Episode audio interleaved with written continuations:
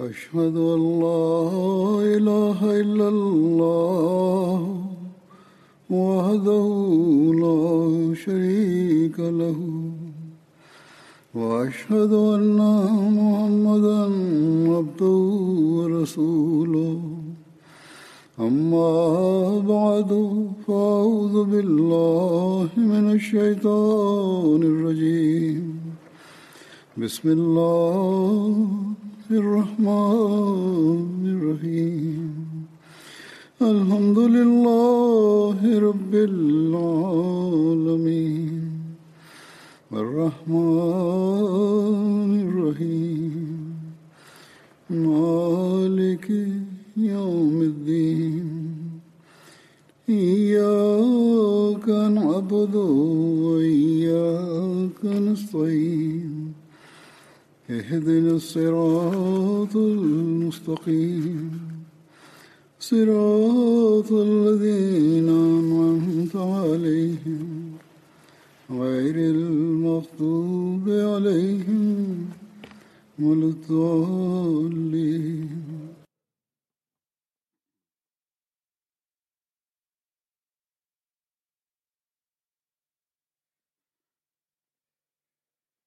كنت أتحدث عن حضرة عثمان رضي الله عنه قبل الخطبة الماضية وسوف أتناول اليوم أيضا ذكره. كان عثمان بن عفان رضي الله عنه يتحلى بالعفة والحياء الشديد. ورد في الرواية عن أنس بن مالك أن رسول الله صلى الله عليه وسلم قال أرحم أمتي بأمتي أبو بكر وأشدهم في دين الله عمر وأصدقهم حياء عثمان وأقضاهم علي بن أبي طالب وأقرأهم لكتاب الله أبي بن كعب وأعلمهم بالحلال والحرام معاذ بن جبل وافرضهم زيد بن ثابت. ألا وإن لكل أمة أمينا وأمين هذه الأمة أبو عبيدة بن الجراح. وعن أنس بن مالك قال قال رسول الله صلى الله عليه وسلم أرحم أمتي بأمتي أبو بكر وأشدهم في أمر الله عمر وأصدقهم حياء عثمان.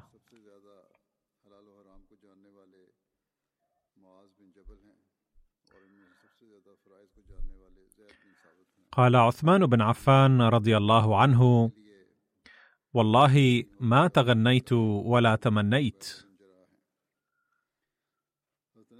يعني لم يتمنى الخلافة ولا منصبا أو لم يتمنى أمنية كاذبة.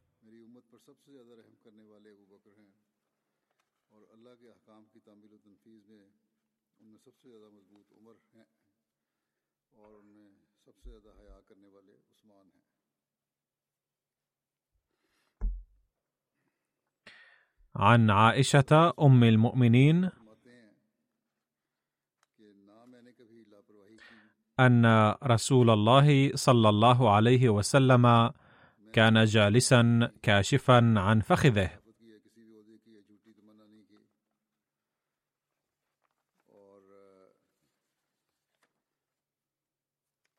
فاستأذن أبو بكر فأذن له وهو على حاله. ثم استأذن عمر فأذن له وهو على حاله. ثم استأذن عثمان فأرخى عليه ثيابه. فلما قاموا قلت يا رسول الله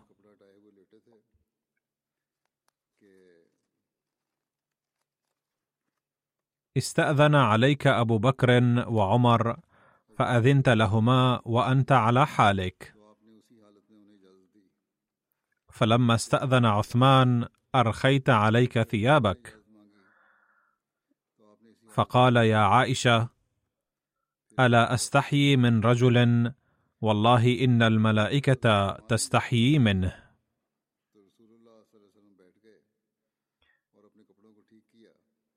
وورد في رواية أخرى أن عائشة رضي الله عنها حين سألت النبي صلى الله عليه وسلم لماذا هذا الاهتمام لعثمان دون غيره؟ فقال صلى الله عليه وسلم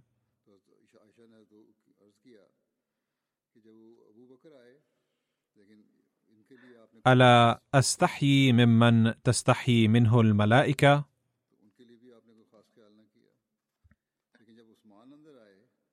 والذي نفس محمد بيده.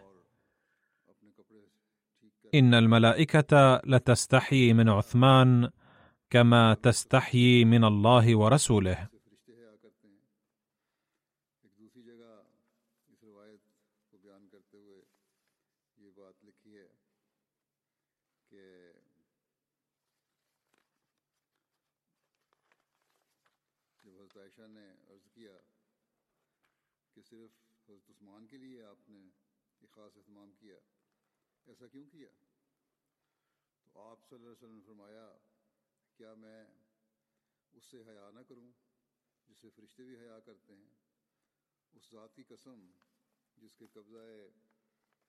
ولو دخل وانت قريبه مني لم يرفع راسه ولم يتحدث حتى يخرج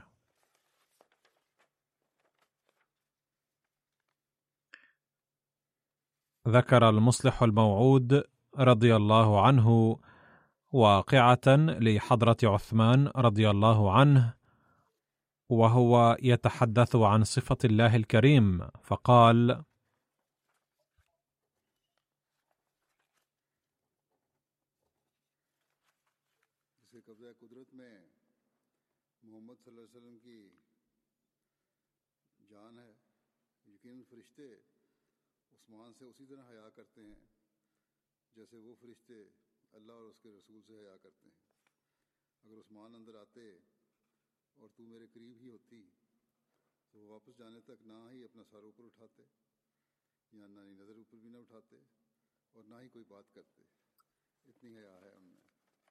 هناك واقعة للنبي صلى الله عليه وسلم تبين أن الكريم يستحى منه.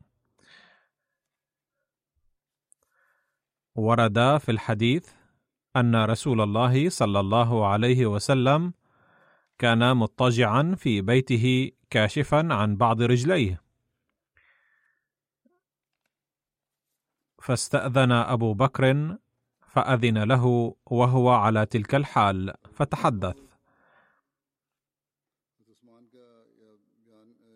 ثم استأذن عمر فأذن له وهو كذلك فتحدث.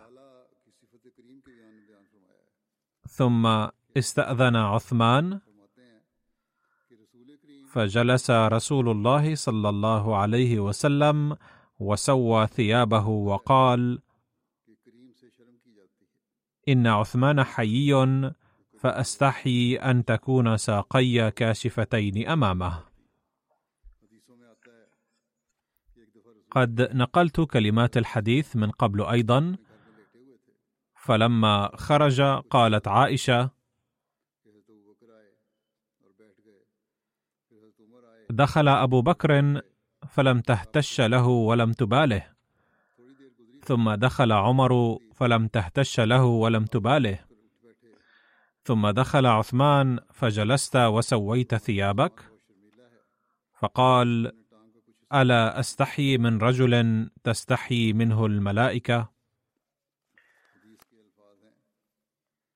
فنرى أن النبي صلى الله عليه وسلم قد استحى من عثمان رضي الله عنه لأنه كان كثير الحياء. كان عثمان يستحي من الناس فاستحيا منه النبي صلى الله عليه وسلم. بعد ذكر هذه الواقعة قال المصلح الموعود رضي الله عنه فكيف نصدق بعد ذلك أن الله الذي هو رب كريم هو نفسه قد جرا الناس على الذنوب؟ أرى أن قوله تعالى ربك الكريم إنما يشير أنه كان من واجب الإنسان أن يطيع ربه الكريم على الأقل لا أن يعصيه.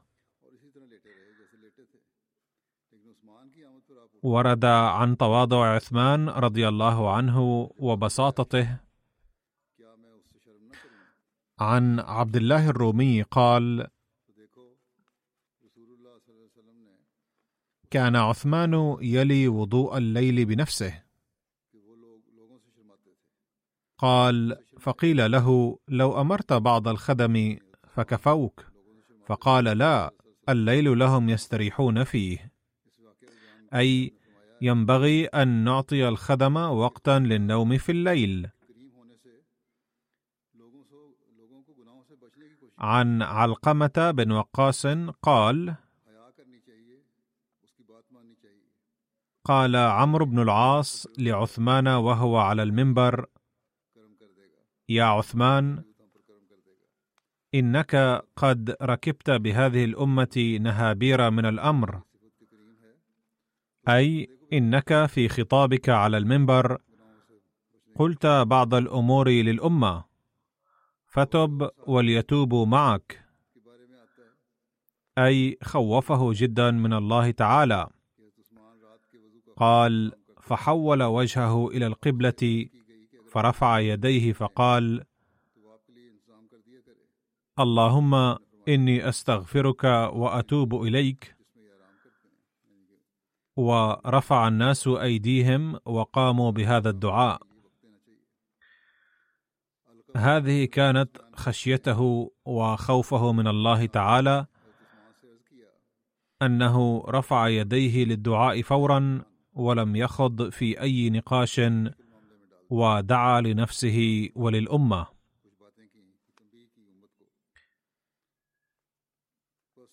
وهناك روايات عن سخاء عثمان رضي الله عنه وكرمه وإنفاقه في سبيل الله تعالى. قال عثمان بن عفان رضي الله عنه بنفسه لقد اختبأت عند ربي عشرة إني لرابع أربعة في الإسلام. وما تغنيت ولا تمنيت ولا وضعت يميني على فرجي منذ بايعت رسول الله صلى الله عليه وسلم. وما مرت علي جمعة منذ أسلمت إلا وأنا أعتق فيها رقبة إلا الا يكون عندي فأعتقها بعد ذلك ولا زليت في جاهلية ولا إسلام.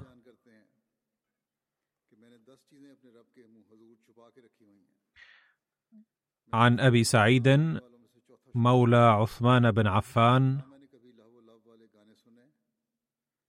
أن عثمان أعتق عشرين مملوكا وهو محصور.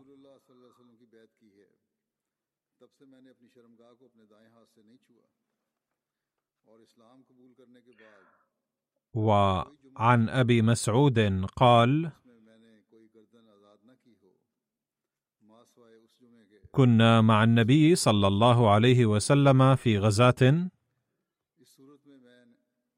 فأصاب الناس جهد حتى رأيت الكآبة في وجوه المسلمين والفرح في وجوه المنافقين. فلما رأى ذلك رسول الله صلى الله عليه وسلم قال والله لا تغيب الشمس حتى يأتيكم الله برزق فعلم عثمان أن الله ورسوله سيصدقان. فاشترى عثمان أربع عشرة راحلة بما عليها من الطعام فوجه إلى النبي منها بتسعة فلما رأى ذلك النبي صلى الله عليه وسلم قال ما هذا؟ قال أهدى إليك عثمان. فعرف الفرح في وجه رسول الله صلى الله عليه وسلم والكآبة في وجوه المنافقين. فرأيت رسول الله صلى الله عليه وسلم قد رفع يديه حتى رؤي بياض إبطيه يدعو لعثمان دعاء ما سمعته دعا لأحد قبله ولا بعده. اللهم أعط عثمان اللهم افعل بعثمان أي أنزل على عثمان فضلك. عن عائشة قالت دخل علي رسول الله صلى الله عليه وسلم فرأى لحما فقال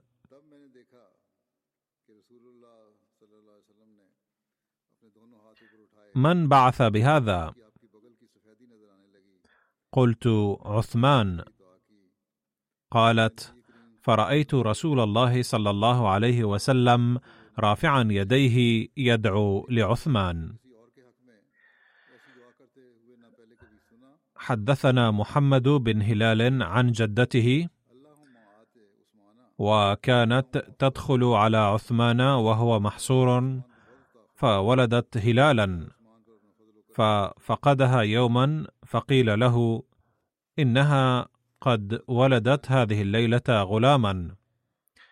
قالت فأرسل إلي بخمسين درهما وشقيقة سنبلانية. وقال هذا عطاء ابنك وكسوته.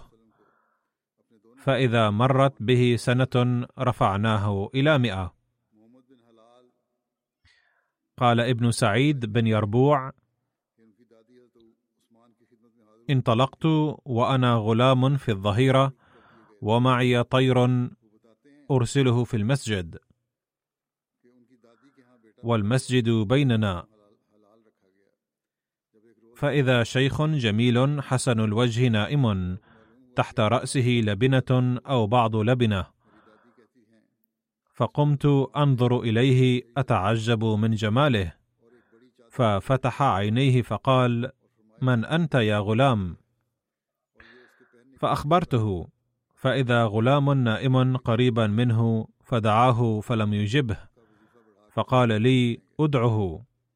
فدعوته فأمره بشيء وقال لي اقعد.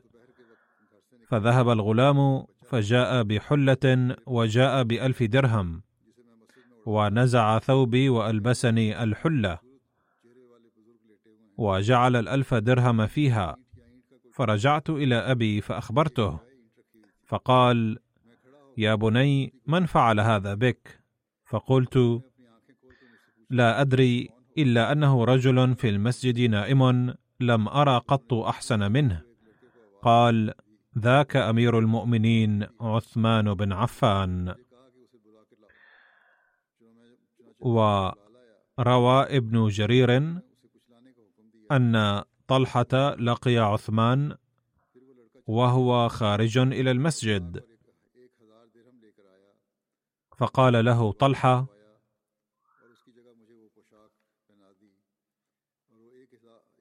إن الخمسين الفا التي لك عندي قد حصلت. فأرسل من يقبضها. فقال له عثمان أنا قد وهبناكها لمروءتك أي لم يأخذها منه. وقال الأصمعي استعمل ابن عامر قطن بن عوف الهلالي على كرمان. فأقبل جيش من المسلمين أربعة آلاف وجرى الوادي فقطعهم عن طريقهم. وخشي قطن الفوت فقال من جاز الوادي فله ألف درهم. فحملوا أنفسهم على العظم. فكان إذا جاز الرجل منهم قال قطن أعطوه جائزته. حتى جازوا جميعا وأعطاهم أربعة آلاف درهم. فأبى ابن عامر أن يحسبها له. فكتب بذلك إلى عثمان بن عفان. فكتب عثمان أن احسبها له. فإنه إنما أعان المسلمين في سبيل الله. فمن ذلك اليوم سميت الجوائز لإجازة الوادي.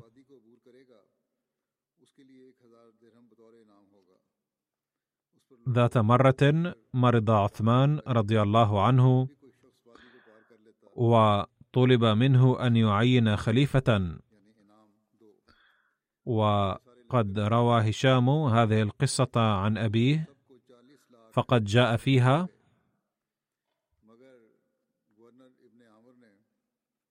عن هشام عن أبيه عن مروان بن الحكم قال أصاب عثمان الرعاف سنة الرعاف. حتى تخلف عن الحج وأوصى. فدخل عليه رجل من قريش فقال استخلف أي أنك مريض فعين خليفة. قال وقالوه قال نعم. قال من هو؟ قال فسكت. ثم دخل عليه رجل آخر وأظنه حارث فقال مثل ما قاله الأول ورد عليه نحو ذلك. فقال عثمان الزبير بن العوام. قال نعم. قال أما والذي نفسي بيده إن كان لأخيرهم ما علمت وأحبهم إلى رسول الله صلى الله عليه وسلم. لقد نال عثمان رضي الله عنه شرف كتابة القرآن الكريم أيضا.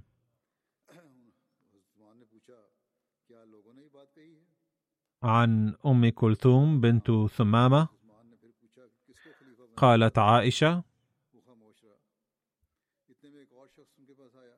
لقد رأيت رسول الله صلى الله عليه وسلم مع عثمان في هذا البيت في ليلة قائدة والنبي صلى الله عليه وسلم يوحي إليه جبريل. وكان إذا أوحي إليه ينزل عليه ثقلة شديدة قال الله تعالى أنا سنلقي عليك قولا ثقيلا. وعثمان يكتب بين يدي النبي صلى الله عليه وسلم يقول له اكتب يا عثمان. تقول عائشة وما كان لينزل تلك المنزلة من رسول الله إلا رجلا كريما.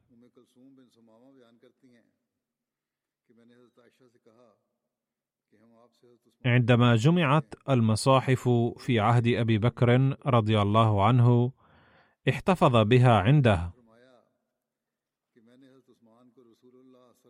ثم انتقلت إلى عمر رضي الله عنه. ثم انتقلت إلى حفصة رضي الله عنها.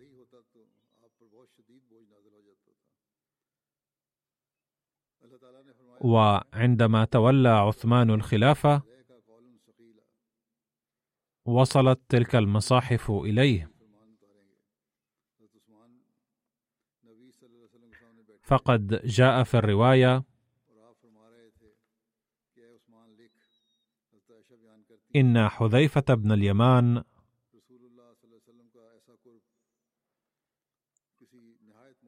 قدم على عثمان وكان يغازي أهل الشام في فتح أرمينيا وأذربيجان مع أهل العراق.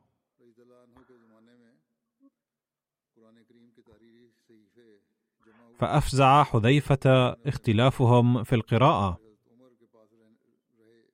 فقال حذيفة لعثمان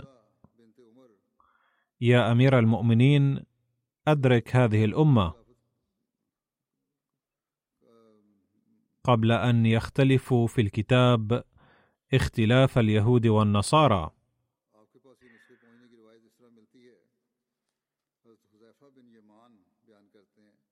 فأرسل عثمان إلى حفصة أن أرسلي إلينا بالصحف ننسخها في المصاحف ثم نردها اليك. فأرسلت بها حفصة إلى عثمان. فأمر زيد بن ثابت وعبد الله بن الزبير وسعيد بن العاص وعبد الرحمن بن الحارث بن هشام فنسخوها في المصاحف. وقال عثمان للرهط القرشيين الثلاثة إذا اختلفتم أنتم وزيد بن ثابت في شيء من القرآن فاكتبوه بلسان قريش فإنما نزل بلسانهم. ففعلوا حتى إذا نسخوا الصحف في المصاحف رد عثمان الصحف إلى حفصة. وأرسل إلى كل أفق بمصحف مما نسخوا. وأمر بما سواه من القرآن في كل صحيفة أو مصحف أن يحرق. قال ابن التين الفرق بين جمع أبي بكر وجمع عثمان أن جمع أبي بكر كان لخشية أن يذهب شيء من القرآن بذهاب حملته. لأنه لم يكن مجموعا في موضع واحد فجمعه في صحائف مرتبا لآيات سوره على ما وقفهم عليه النبي صلى الله عليه وسلم وجمع عثمان كان لما كثر الاختلاف في وجوه القراءة حتى قرأوه بلغاتهم على اتساع اللغات فأدى ذلك بعضهم إلى تخطئة بعض فخشي من تفاقم الأمر في ذلك فنسخ تلك الصحف في مصحف واحد مرتبا لسوره واقتصر من سائر اللغات على لغة قريش محتجا بأنه نزل بلغتهم. وإن كان قد وسع في قراءته بلغة غيرهم رفعا للحرج والمشقة في ابتداء الأمر. فرأى أن الحاجة قد انتهت فاقتصر على لغة واحدة. وقال العلامة القرطبي فإن قيل فما وجه جمع عثمان رضي الله عنه الناس على مصحفه وقد سبقه أبو بكر إلى ذلك وفرغ منه قيل له إن عثمان رضي الله عنه لم يقصد بما صنع جمع الناس على تأليف المصحف.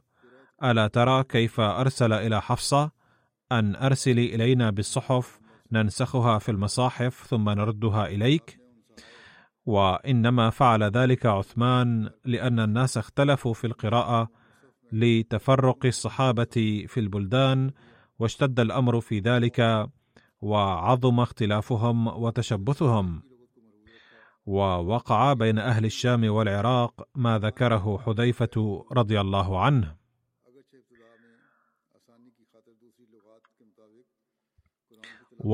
وقال حضرة المصلح الموعود رضي الله عنه في تفسير قول الله تعالى في سورة الأعلى سنقرئك فلا تنسى. والمراد من ذلك أننا سنعلمكم كلاما لن تنسوه إلى يوم القيامة. بل سيظل محفوظا كما هو الآن.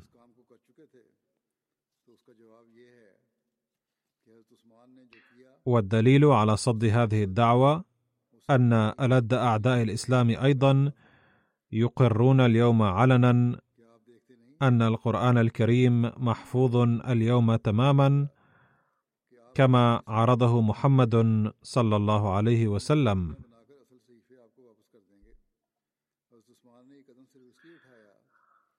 فقد اعترف نولدجا وسبرينجر وويليام موير في كتبهم قائلين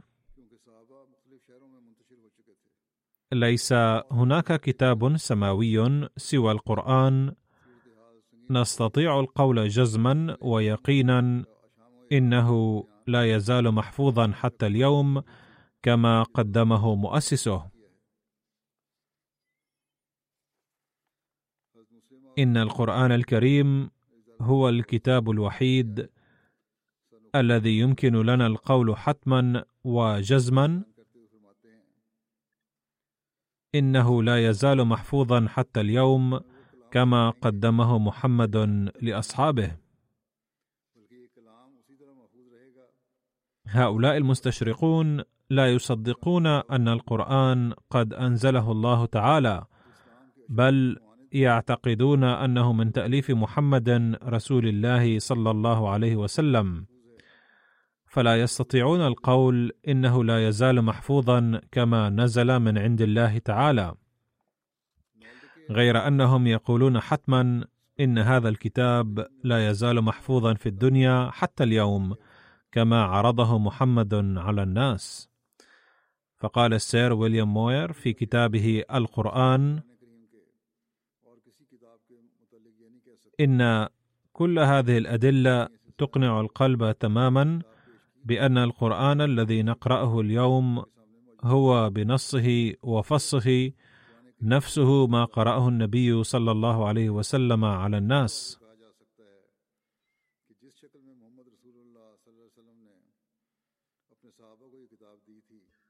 وقال السير ويليام موير في كتاب آخر حياة محمد من الممكن جدا أن يكون القرآن الذي بين أيدينا اليوم هو ما اخترعه محمد صلى الله عليه وسلم في زمنه. وربما أحدث فيه تغييرا وتعديلا في بعض الأماكن إلا أنه مما لا شك فيه أنه هو نفس ما أتانا به محمد. وقال أيضا نستطيع الجزم بناء على قياسات قوية أن كل آية في القرآن الذي بين أيدينا هي أصلية وغير محرفة كما قدمها محمد صلى الله عليه وسلم. ثم كتب المستشرق الألماني نولدغا من الممكن أن يتضمن القرآن أخطاء إملائية بسيطة. ولكن فحوى المصحف الذي قدمه عثمان رضي الله عنه للعالم هو نفس ما عرضه محمد صلى الله عليه وسلم وإن كان ترتيبه يبدو غريبا. لقد فشلت تماما محاولات العلماء الأوروبيين في إثبات أي تحريف في القرآن فيما بعد.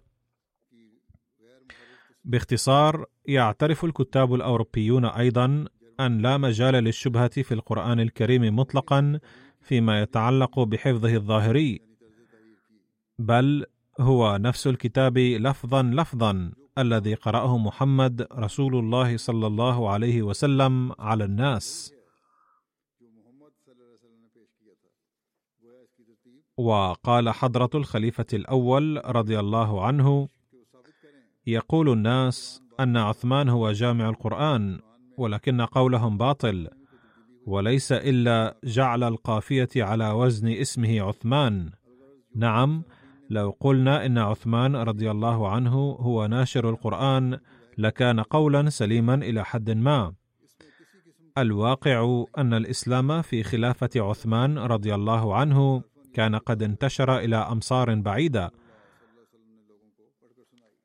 فجعل نسخا من الصحيفة القرآنية ونشرها في مكة والمدينة والشام والبصرة والكوفة وغيرها من الأمصار. أما جمع القرآن فكان النبي صلى الله عليه وسلم نفسه قد تولى ترتيبه كما ارتضاه الله تعالى. وقد وصلنا القرآن بنفس الترتيب المرضي عند الله تعالى غير أن قراءته والعمل به هو مسؤوليتنا. ويقول حضرة المصلح الموعود في عهد عثمان رضي الله عنه لما أصبحت المدينة المنورة عاصمة الدولة الإسلامية اتحدت القبائل العربية بدلا من أن يبقى أهل مكة أو المدينة أو نجد أو الطائف أو اليمن منغلقين على أنفسهم في مناطقهم الخاصة غير مطلعين على لغات الآخرين وتعابيرهم. إذ صار الحكم عندها بيد أهل المدينة الذين شكل فيها المهاجرون من مكة شريحة كبيرة. كما كان أهل المدينة أنفسهم قد تعلموا اللهجة المكية نتيجة صحبة المهاجرين. فلما كان زمام الحكم وتطبيق القانون والمال بيد أهل المدينة وكانوا محط أنظار الناس كلهم فكان أهل الأمصار الأخرى كالطائف ونجد ومكة واليمن وغيرها يفدون إلى المدينة بكثرة ويخالطون فيها الأنصار والمهاجرين ويتعلمون منهم الدين فأخذت اللغة العلمية للقوم كلهم تتوحد. ثم إن بعضهم كانوا قد استقروا في المدينة فصارت لغتهم حجازية تماما وحين كان هؤلاء يرجعون إلى بلادهم علماء وأساتذة فلا بد أن يكون لهم تأثير على أهالي أمصارهم كما أن الحروب أتاحت للقبائل العربية فرصة العيش معا. ولأن القادة كانوا من أكابر الصحابة فكانت صحبتهم ورغبة الناس بتقليدهم عاملا كبيرا على توحيد اللغة. فرغم أن أهل القبائل المختلفة كانوا يجدون في البداية صعوبة في فهم لغة القرآن الكريم إلا أن المدينة لما أصبحت مركزا للعرب بحكم كونها عاصمة للدولة وأخذت شتى القبائل والشعوب يفدون إليها تباعا وبكثرة فلم يكن هناك مجال لهذا الاختلاف في اللهجات لأن كل المسلمين ذوي المزاج العلمي صاروا ملمين بلغة القرآن تماما. فلما وقف الناس على لغة القرآن حق الوقوف أمر عثمان رضي الله عنه بالاكتفاء بقراءته بلهجة الحجاز دون اللهجات الأخرى. وكان قراره هذا يعني أن الناس قد بدأوا يفهمون اللهجة الحجازية عموما. فلا مبرر للسماح لهم بقراءته بلهجات بديلة. والشيعة الذين يخالفون أهل السنة يقولون بسبب هذا القرار العثماني أن المصحف الحالي هو مصحف عثمان والحق أنه اعتراض باطل كليا. الواقع أنه في عهد عثمان رضي الله عنه كان قد مضى على اختلاط العرب زمن طويل فكانوا قد اطلعوا على الفروق الموجودة في لهجاتهم اطلاعا كاملا نتيجة الاختلاط.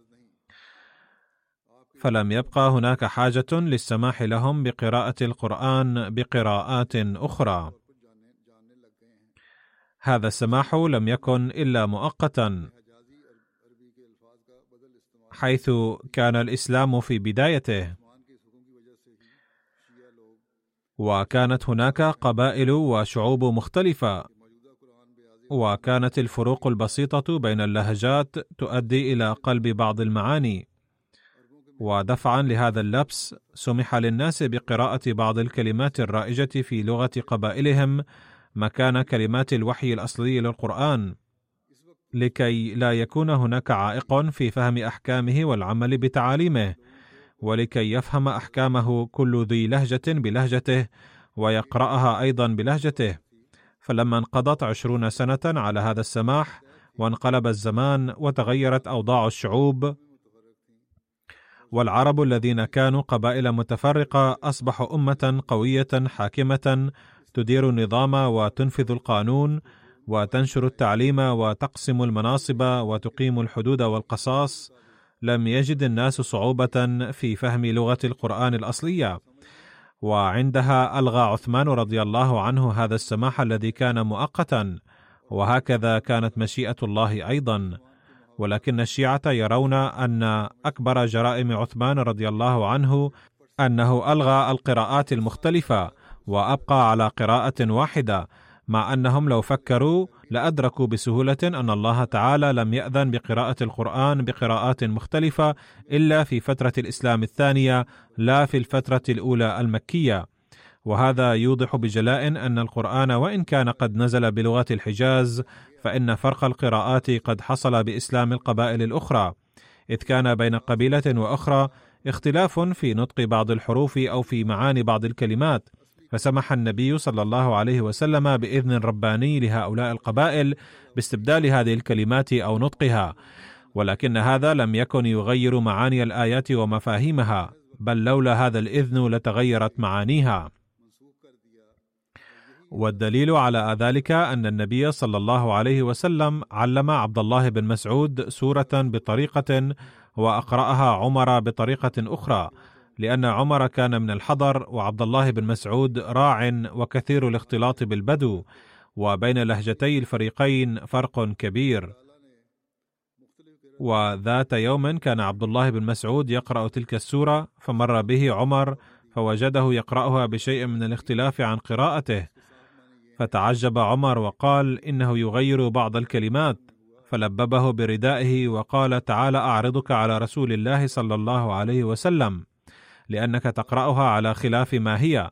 فانطلق به يقوده إلى النبي صلى الله عليه وسلم وقال يا رسول الله إني سمعت هذا يقرأها على غير ما أقرأتنيها. فقال صلى الله عليه وسلم لعبد الله بن مسعود كيف تقرأها؟ فأخذ يرتجف خوفا ظنا منه أنه قد أخطأ. فهدأ النبي صلى الله عليه وسلم من روعه وقال اقرأ. فقرأ. فقال هكذا أنزلت. ثم قال لي اقرأ. فقرأت فقال هكذا أنزلت. إن القرآن أنزل على سبعة أحرف فلا تختصموا على هذه الأمور البسيطة. وليس سبب هذا الفرق إلا أن النبي صلى الله عليه وسلم فكر أن عبد الله بن مسعود راع ولهجته مختلفة عن لهجة أهل الحضر فعلمه قراءة تتفق مع لهجته. وأما عمر فهو من الحضر فعلمه السورة باللهجة المكية الأصلية التي نزل بها القرآن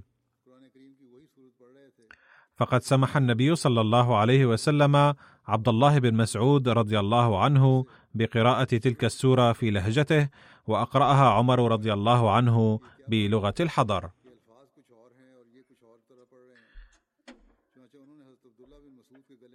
هذه هي الفروق البسيطة التي ظهرت بسبب القراءات. ولكن هذا لم يغير من فحوى القرآن شيئا.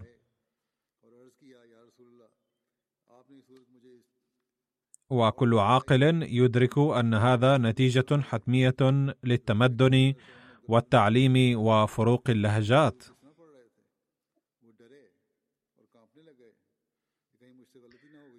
ثم يقول حضرته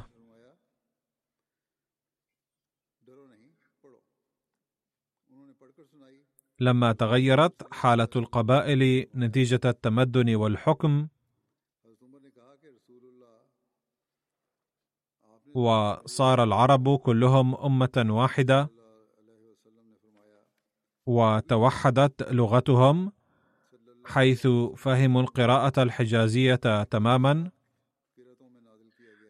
ارتأى سيدنا عثمان رضي الله عنه وكان مصيبا في رأيه كل الصواب أن السماح بالقراءات المختلفة سيؤدي إلى الاختلاف.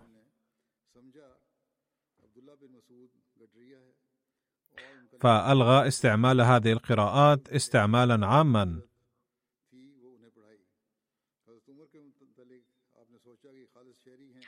ولم يرى بأسا في بقائها محفوظة في الكتب.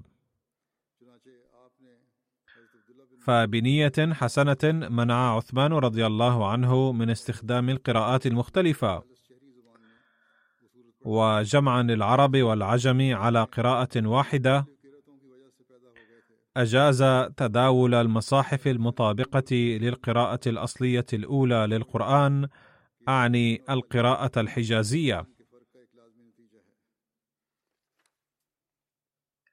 لقد بقي شيء قليل من ذكر عثمان وسأتناوله لاحقا إن شاء الله.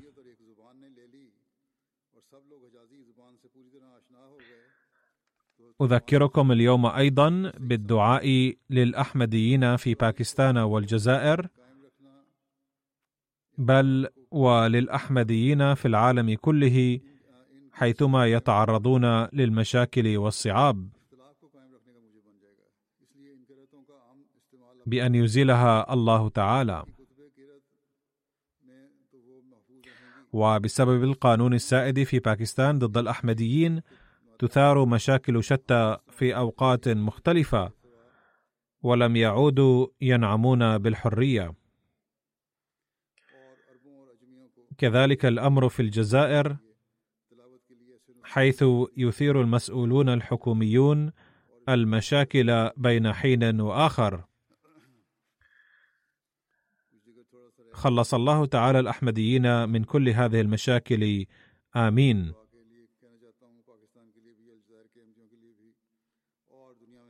بعد صلاة الجمعة سوف أقوم بإطلاق موقع على شبكة الإنترنت وهو موقع للمكتب الصيني. وتم تصميمه بتعاون من إدارة تقنية المعلومات المركزية للجماعة. وسيتيح هذا الموقع فرصة لتوفير المعلومات التفصيلية عن الأحمدية أي الإسلام الحقيقي باللغة الصينية. ويمكن زيارة هذا الموقع من صفحة الموقع المركزي للجماعة وبشكل منفصل أيضا. ولقد أدخلت فيه المواد تحت عناوين شتى فأضيف إليه الطبعة الجديدة لترجمة معاني القرآن باللغة الصينية. كما أضيفت 23 كتابا وكتيبا أخرى. وتحت عنوان الأسئلة والأجوبة أضيفت ردود على شتى الأسئلة. وتحت عنوان المسيح الموعود عليه السلام أضيفت نبذة تعريفية لحضرته عليه السلام ولخلفائه. وعلى الصفحة الرئيسية أضيفت روابط ستة مواقع هامة للجماعة. بالإضافة إلى ذلك تم تقديم تفاصيل الهاتف والفاكس والبريد الإلكتروني وما إلى ذلك. ندعو الله تعالى أن يكون هذا الموقع موجبا لهداية الشعب الصيني وأن تفتح قلوبهم للإسلام والأحمدية. علاوة على هذا سأصلي صلاة الغائب على بعض المرحومين وأولهم داعية الجماعة السيد يونس خالد الذي توفي في الخامس عشر من مارس الفائت إثر صدمة قلبية عن عمر يناهز 67 عاما. إنا لله وإنا إليه راجعون. كان جد المرحوم محمد يونس خالد حضرة ميان مراد بخش وأخوه الحاج أحمد من صحابة المسيح الموعود عليه السلام. وكان الحاج أحمد أحد الستة من الوفد الذي توجه مشيا على الأقدام من بريمكوت محافظة حافظ أباد إلى قاديان فبايع المسيح الموعود عليه السلام وطلب منه تبرك الماء فأعطاه حضرته عليه السلام. لقد درس السيد يونس خالد إلى الثانوية في ربوة ثم سجل في الجامعة الأحمدية. وخلال دراسته في الجامعة الأحمدية نال شهادة في العلوم الشرقية أيضا. كان بفضل الله منضما إلى نظام الوصية. لقد تخرج من الجماعة الأحمدية في عام 1980 ثم وفق لخدمة الجماعة قرابة أربعين عاما في أماكن مختلفة في باكستان وفي بلاد أخرى في إفريقيا أيضا.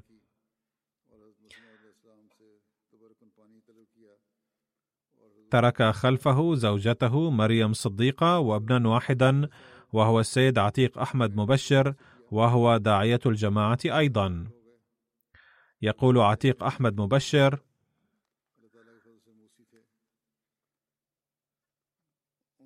كان والدي عالما وصالحا وكان يقول لي يعاملني الله تعالى كما كان يعامل الخليفة الأول للمسيح الموعود عليه السلام بحيث كلما كانت لي حاجة حققها الله تعالى بفضله. ولقد لاحظت تحقق قوله هذا بأم عيني عدة مرات. ثم يقول ابنه وهو ينقل عن السيد رانا مبارك أحمد الذي كان رئيسا في أحد فروع الجماعة في لاهور أنه كلما بلغناه عن إنجاز أمر من أمور الجماعة كان يخرج فورا لإتمامه ولم يكن ينتبه أحيانا بأنه لبس حذاءه أم لا.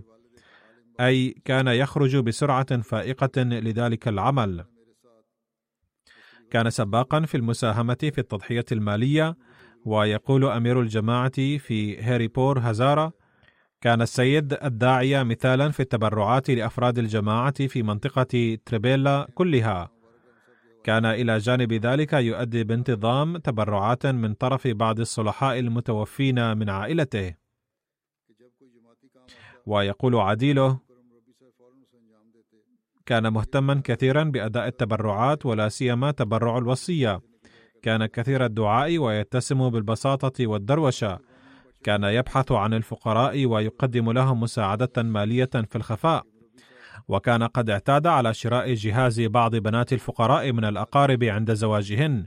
كان أقاربه يقولون عند وفاته بأنهم حرموا من مخلص ومساعد ومحب لهم ومشفق عليهم.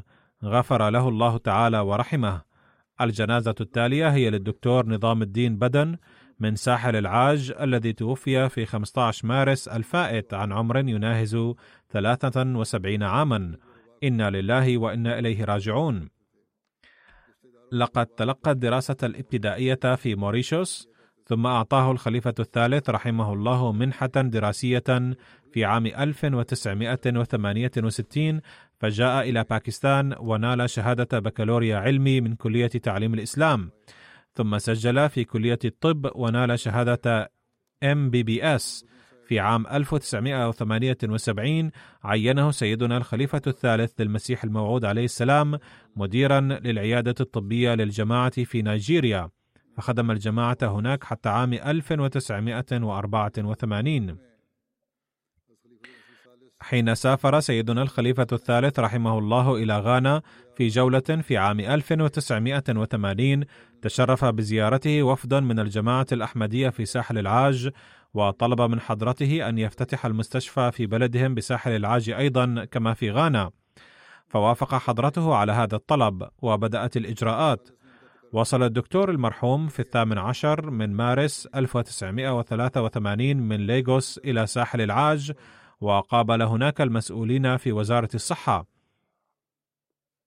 فلما كان المرحوم يعرف اللغة الفرنسية وكانت حاجة أن يعين هناك طبيب يعرف الفرنسية لذا نقل من نيجيريا إلى هناك. وحصل الموافقة على فتح العيادة الأحمدية. ثم خدم الجماعة هناك في هذا المجال منذ 1984 إلى الوفاة. كان بفضل الله موصيا زوجته أيضا متوفاة وله ابن اسمه بشير الدين محمود بدهن وابنة اسمها نشمية عائشة مباركة. وفقهما الله أيضا للتمسك بالجماعة والخلافة. يقول السيد عبد القيوم باشا الداعية المسؤول في ساحل العاج لقد خدم المرحوم بصفته مسؤولا طبيا في العيادة الأحمدية في أبيجان لمدة 36 سنة تقريبا. كان المرحوم طبيبا جيدا وإنسانا طيبا وعضوا متميزا في أفراد الجماعة في ساحل العاج. كانت لي معاملة معه لمدة ثمانية عشر عاما تقريبا. فوجدته إنسانا طيبا من كل النواحي. كان يساعد الجميع ويرشد الجميع في إنجاز أعمال الجماعة وكان مضيافا وخلوقا وعذب الحديث وأنيق الملبس. فقد خدم الجماعة أيضا في عدة مناصب مختلفة. وكان كريما ويتعامل مع الأولاد حيث كان يحفظ عنده في العيادة بعض الأشياء من الألعاب وسكاكر وغيرها ليهديها للأولاد المرضى. كما كان يساعد كثيرا الطلاب المقيمين في مركز الجماعة وكذلك العائلات الأحمدية الفقيرة. يقول داعية هناك لاحظت أن المرحوم حين لم يكن لديه أي مريض في العيادة كان يشتغل في تعليم أي خادم أو ناصر وتربيته. إذ لم يكن يجلس فارغا إن لم يكن هناك مريض بل كان يشغل نفسه في خدمة الجماعة بأي شكل كان. فكان يترجم في مثل هذه الأوقات ملفوظات المسيح الموعود عليه السلام أو خطبة الجمعة إلى الفرنسية. ثم يرسل نسخ تلك الترجمة إلى أبناء الجماعة فكان مستعدا لخدمة الجماعة كل حين وآن وكان يشتري الأدوية من جيبه لبعض المرضى الفقراء كما كان يقدم للفقراء المؤونة أيضا مثل الأرز والزيت وغيرهما من الحاجات اليومية. غفر الله له وتغمده بواسع رحمته.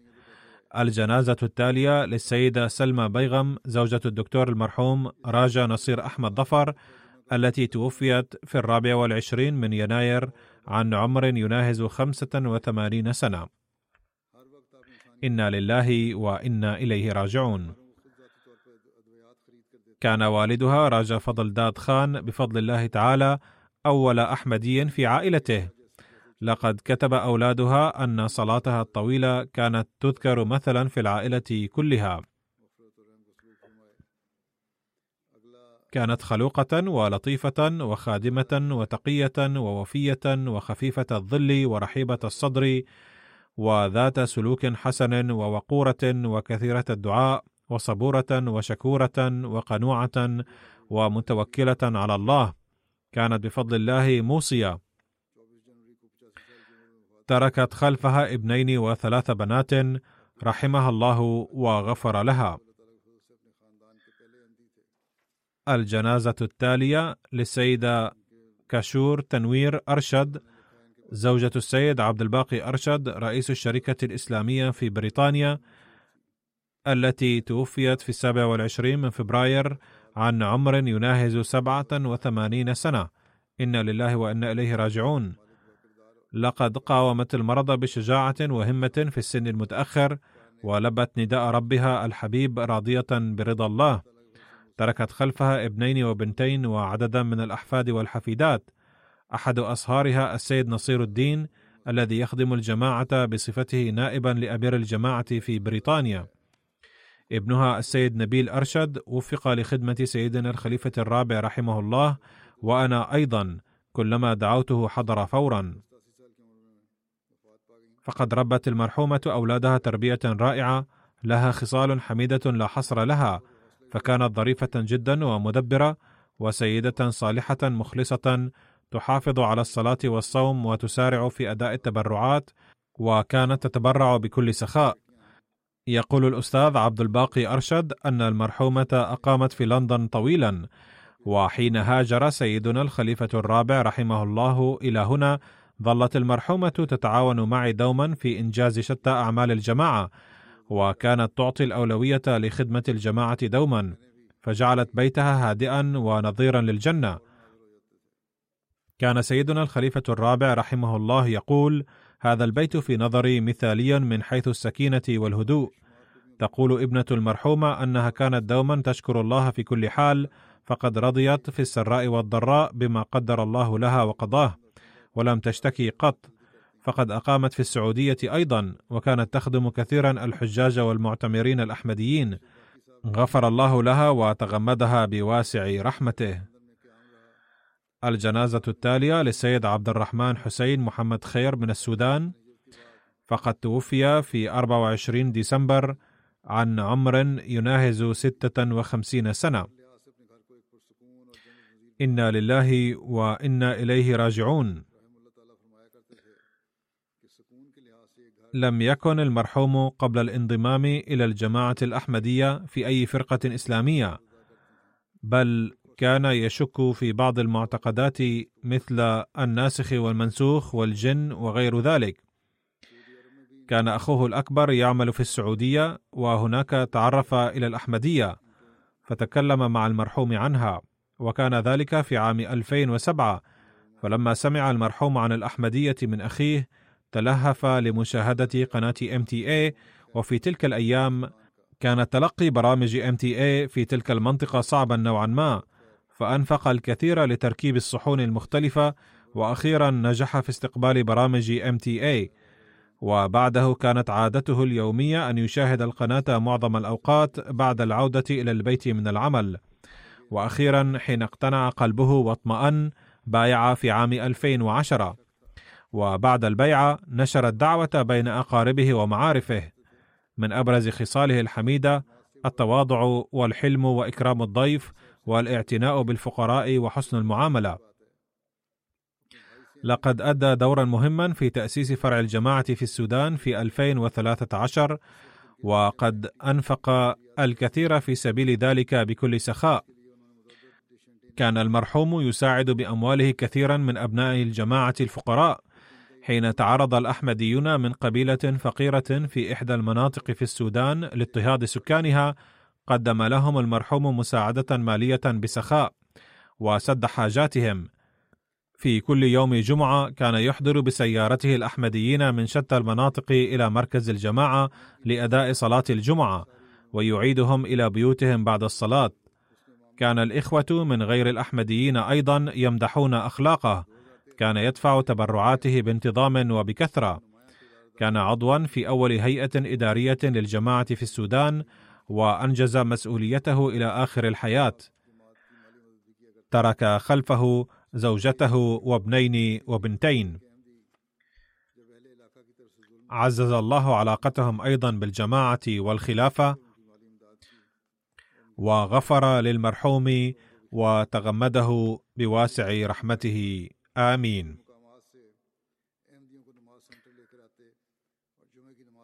سأصلي على كل هؤلاء المرحومين جنازة الغائب كما قلت بعد الصلاة.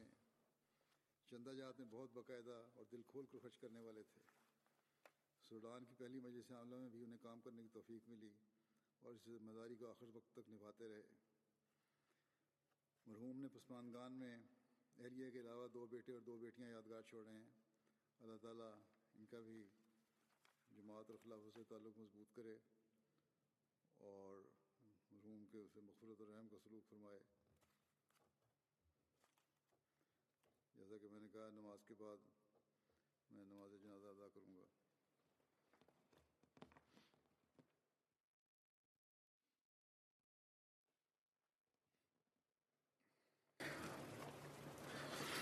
الحمد لله الحمد لله نحمده ونستعينه ونستغفره ونؤمن به ونتوكل عليه ونعوذ بالله من شرور أنفسنا ومن سيئات أعمالنا من يهده الله فلا مضل له ومن يضلل فلا هادي له. ونشهد أن لا إله إلا الله. ونشهد أن محمدا عبده ورسوله. عباد الله رحمكم الله. إن الله يأمر بالعدل والإحسان. وإيتاء ذي القربى وينهى عن الفحشاء والمنكر والبغي يعظكم لعلكم تذكرون. اذكروا الله يذكركم وادعوه يستجب لكم ولذكر الله أكبر.